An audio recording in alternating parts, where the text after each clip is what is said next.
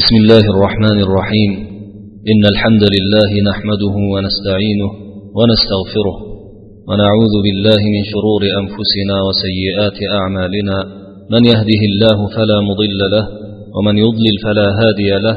وأشهد أن لا إله إلا الله وحده لا شريك له. وأشهد أن نبينا محمدا عبده ورسوله. اللهم صل وسلم وبارك على نبينا محمد وعلى آله وأصحابه أجمعين.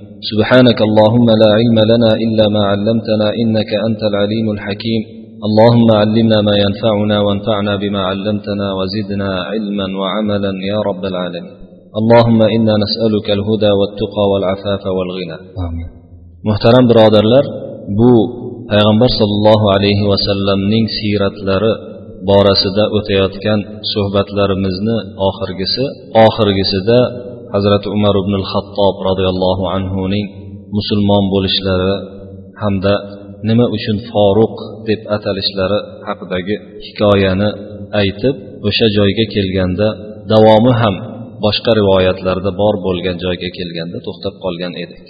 Bugun muallifning o'sha hikoyalarning boshqa rivoyatlar orqali davomini yozganini birgalikda o'qib tarjima qilamiz.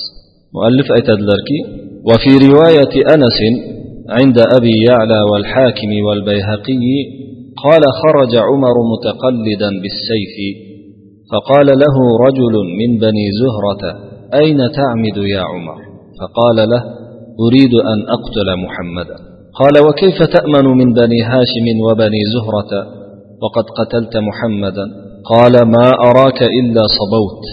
قال أفلا أدلك على العجب إن أختك وختنك قد صبوا وتركا دينك مؤلف aytadilarki abu yalo ni musnadlarida hamda hokimni mustadraklarida bayhaqiyni daloillarida endi bu kitoblarni nomlamayaptilar biz o'sha kitoblarda bo'lganligi uchun nomini aytib qo'yyapmiz abu yaloda hokimda bayhaqiyda anas roziyallohu anhuni rivoyati bilan kelgan hadisda shunday deyiladi muallif aytgan kitoblardan tashqari boshqa bir nechta kitoblarda ham bu rivoyat kelgan. Imom ahmad o'zlarini fadoili sahoba degan kitoblarida umar ibn shabba degan muhaddis tarixchi o'zlarini axborul madina degan kitoblarida undan tashqari ziyoul maqdisiy degan ziyoul maqdisiy degan kishi o'zlarini muxtaro degan kitoblarida va boshqalar keltirishgan bu rivoyat. O'sha rivoyatda kelishicha shunday deyiladi. Umar ibn xattob qilichlarini taqqan holda yo'lga chiqdilar. Shunda yo'lda yo'liqib qolgan banu zuhra qabilasidan bo'lgan bir kishi qayoqqa ketyapsiz umar? deb so'radi. Men muhammadni o'ldirgali ketyapman dedi. Shunda muhammadni o'ldirsangiz muhammadni o'ldirgandan keyin banu hoshim bilan banu zuhradan qanday qutulib qolasiz? dedi. Ya'ni banu hoshim muhammad sallallohu alayhi vasallamni qarindoshlari nasabi bir bo'lgan amakilari va qarindoshlar banu zuhra esa tog'a taraflari. Qala va ma araka illa ma araka illa sabavta shunda umar ibn xattob achchig'lari chiqib sen ham dindan chiqibsanda ya'ni qurayshni dinidan dedi shunda haligi odam to'xtab turmasdan undan ham ko'ra ajabliroq narsani senga aytaymi sizga aytaymi sizni ajabliroq narsaga dalolat qilib qo'ymayinmi singlingiz bilan kuyovingiz dindan chiqib sizni diningizni tashlab ketishdi kerak bo'lsa dedi فمشى عمر فأتاهما وعندهما خباب فلما سمع عمر tavaro fil bayti umar ibn xattob yurib singillarini uylariga kuyovlarini uylariga keldilarda habbob bor paytda kelib qoldilar umar ibn xattobni kelganlarini eshitganda habbob uyni bir burchagiga yashirinib qoldi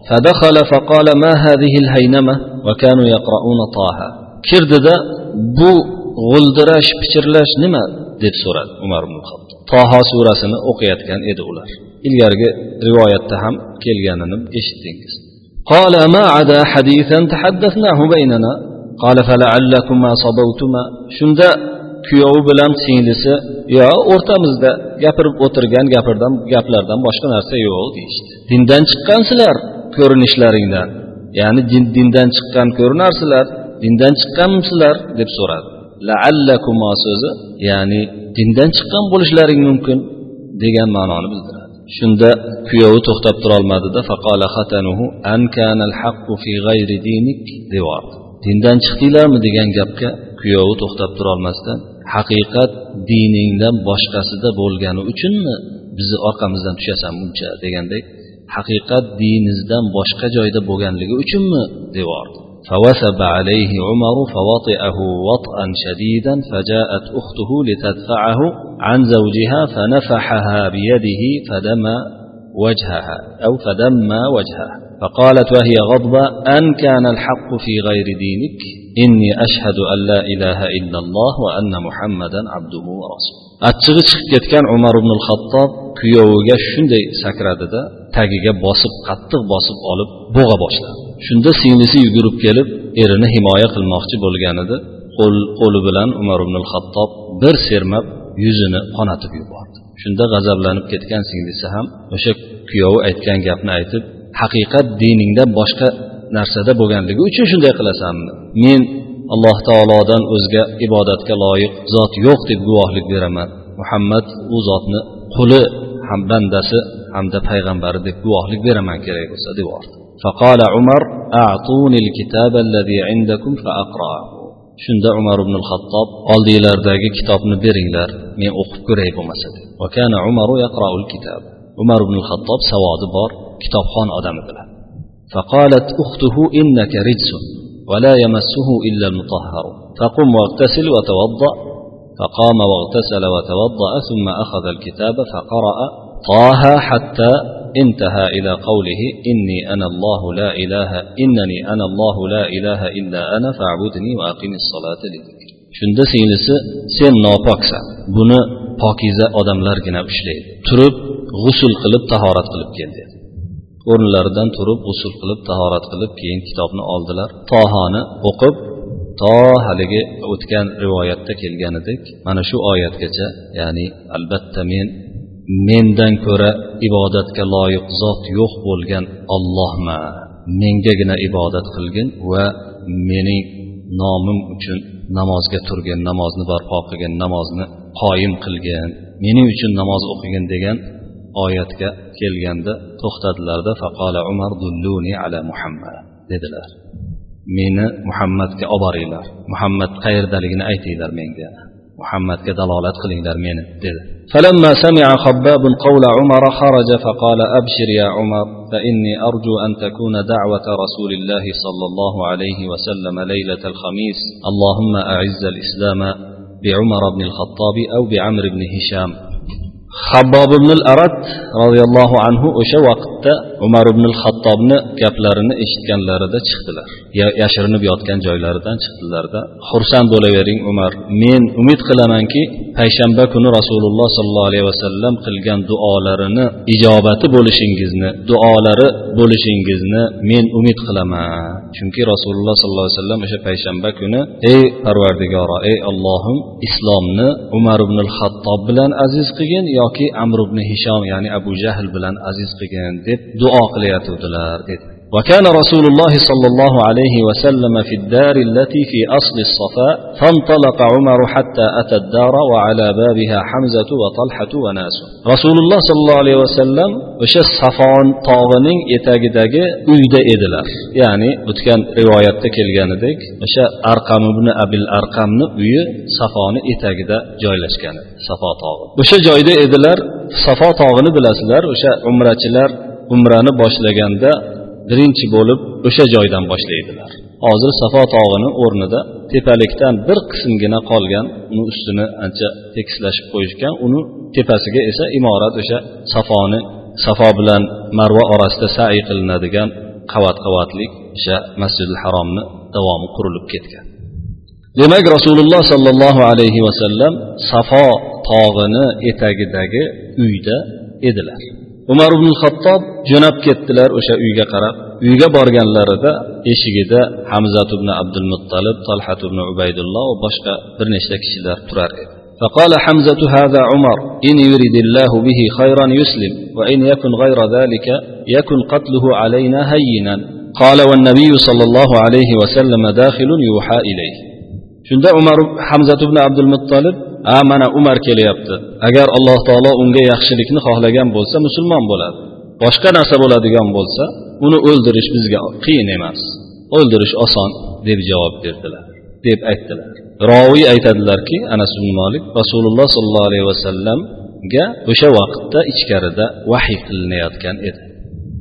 فخرج حتى أتى عمر فأخذ بمجامع ثوبه وحمائل السيف فقال ما أنت بمنته يا عمر حتى ينزل الله بك من الخزي والنكال ما أنزل بالوليد بن المغيرة. فقال عمر أشهد أن لا إله إلا الله وأنك عبد الله ورسوله رسول الله صلى الله عليه وسلم o'sha vaqt chiqib qoldilarda umar ibn xattobni oldilariga kelib to'nlarini tugilgan to'nlarini o'sha majamiu savb deb o'sha to'nni ko'ynakni oldida tugib qo'yilgan ya'ni tugmasi bilan ko'ynak kiyiladi oldida tugmasi bo'ladi. O'sha vaqtlarda ham ilgari shu tugma bo'lgan. O'sha joyda ushlashni arablar deb ataladi. Bizda endi yoqasidan oldi yo o'sha e, oldidan ushadi deymizmi?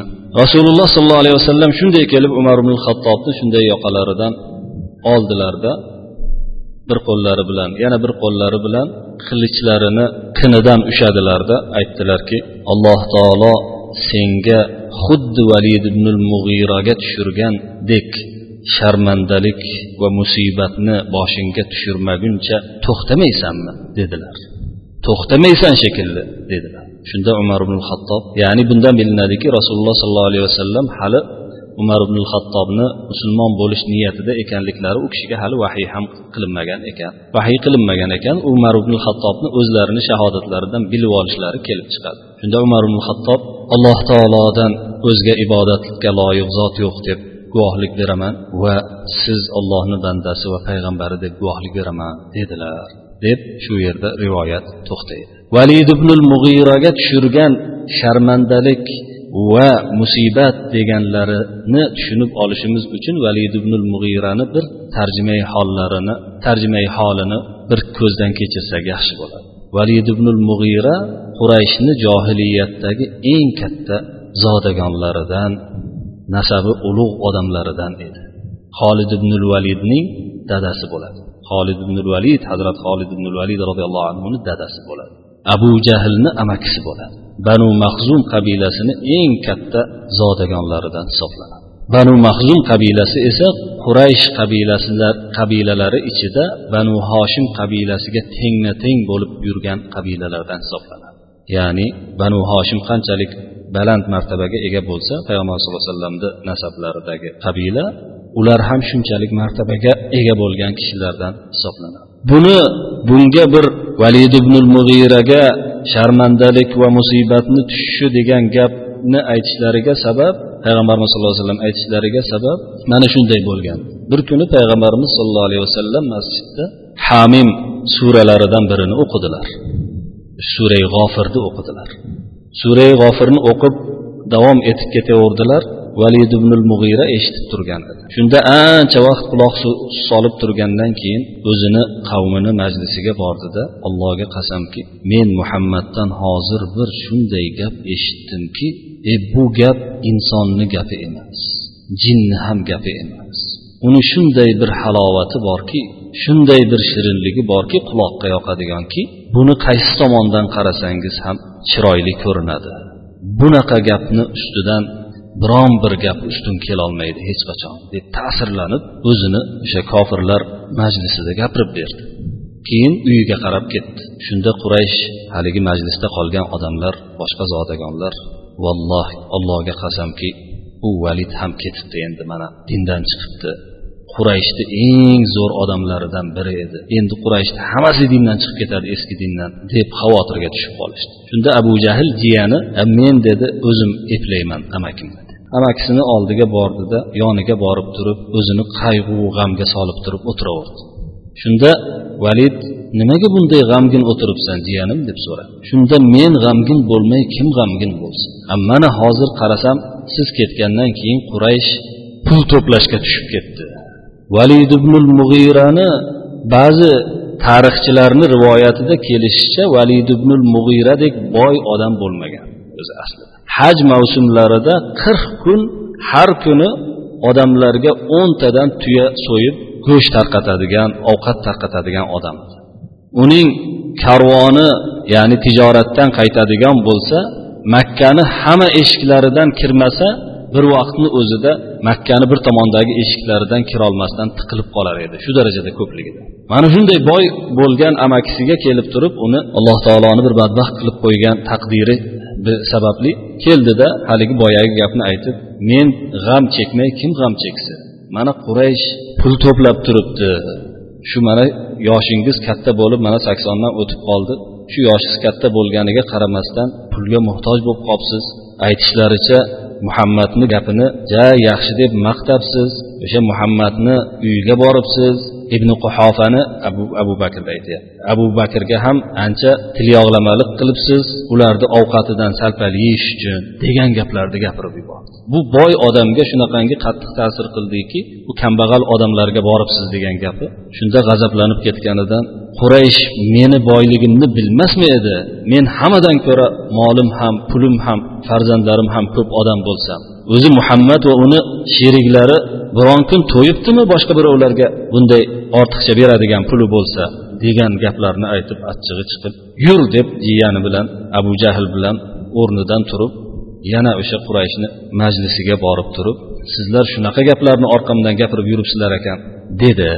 Deganda ular siz mana shunaqa shunaqa debsiz. Umm muhammadni gapi haqida kalomi haqida deyishdi. Shunda ular unga ularga javob qildiki sizlar muhammadni jinni deb chiqardinglar. Biron marta jinnilik qilganini ko'rganmisizlar dedi. Yo'q deyishdi. Ular muhammadni folbin dedinglar ko'z boylamachi dedinglar. Biron marta folbinlik qilganini ko'rganmisizlar yo'q deyishdi. Muhammadni yolg'onchiga chiqardinglar. Biron marta yolg'onga chiqarganini ko'rdinglarmi?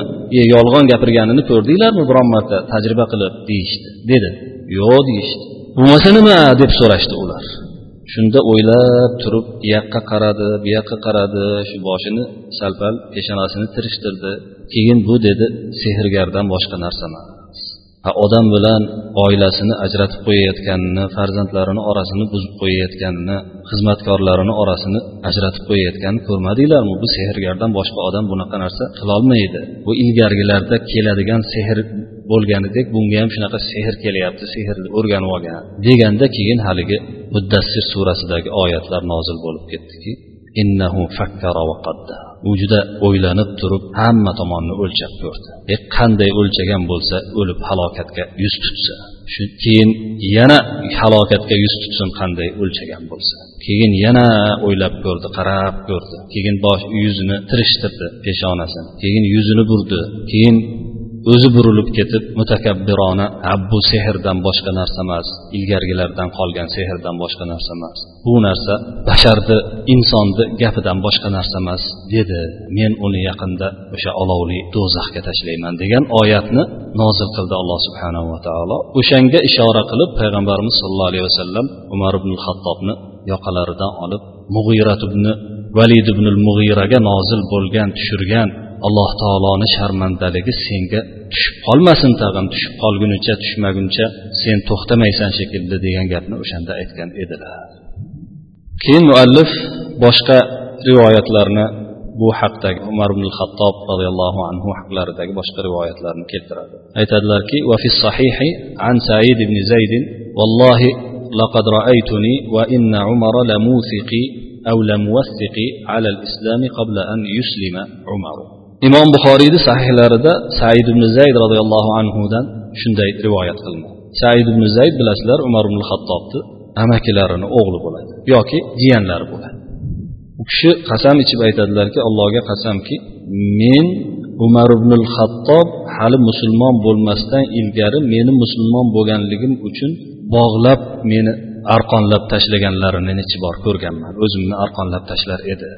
Ya'ni muhammadni oldiga bormaysan deb bir chekkaga arqon bilan baylab qo'yar edi deydilar. قال ابن إسحاق وكان عمر ذا شكيمة لا يرام فلما أسلم امتنع به أصحاب رسول الله صلى الله عليه وسلم وبحمزة فكان عبد الله بن مسعود يقول ما كنا نقدر أن نصلي عند الكعبة حتى أسلم عمر ابن إسحاق aytadilarki umar ibn xattob hech ya'ni sifatlab bo'lmaydigan darajada shiddatli kuchli odam edilar. Salobatli edilar. Odamlar hayiqadigan kishi edilar. Musulmon bo'lganlarida bu kishi bilan rasululloh sollallohu alayhi vasallam sahobalari hamda bu kishi bilan hamda hamzat ibn abdul muttalib bilan himoyalanib qolishdi. Abdulloh ibn masud aytar edilarki biz kabani yonida namoz o'qishga hech yuragimiz betlay olmas edi. Ya'ni biz betlay olmas edik. qodir bo'la olmas edik musulmon ama umar ibn hattob musulmon bo'lmaguncha. Umar ibn hattob musulmon bo'lgan bo'lmaguncha kabani oldida namoz o'qiy olmaganmiz deydilar. Buxoriyda kelgan rivoyatda esa imom buxoriy sahihlarida abdulloh ibn masud aytadilarki umar ibn hattob musulmon bo'lganlaridan beri aziz bo'lib davom etdi. Umar ibn hattob musulmon bo'lganlaridan boshlab aziz bo'ldik deydi. قال الذهبي أسلم في السنة السادسة من النبوة وله سبع وعشرون سنة وكان من أشراف قريش فكانوا إذا أرادوا حربا بعثوه رسولا وإذا نافرهم منافر أو فاخرهم مفاخر أرسلوه له منافرا ومفاخرا إمام ذهبي o'zlarini o'sha siyratul xulafai roshidin degan kitoblarida shunday deydilar. Umar ibn xattob payg'ambar likning ya'ni payg'ambarlik boshlanganidan keyin olti yil o'tgandan keyin musulmon bo'ldi. Musulmon bo'lganlarida yigirma yetti yoshda edilar. Bu kishi qurayshni sharafli kishilaridan zodagonlaridan bo'lib ular bir urush ochib qolsalar boshqalarga boshqalar bilan oralarida urush bo'lib qolsa bu kishini elchi qilib jo'natar edilar. Mabodo quraysh qabilasi bilan boshqa bir qabilani bir shonlashadigan bir biriga faxrlanadigan ilgarigi zamonda johiliyat zamonida o'zlarini ota bobolarini qilgan shonli voqealarini aytib bir birlariga iftixor qilar edilar. Qaysilarida ko'p shunaqa shonli voqealar ko'p o'tgan bo'lsa o'shalar g'alaba qilar edi.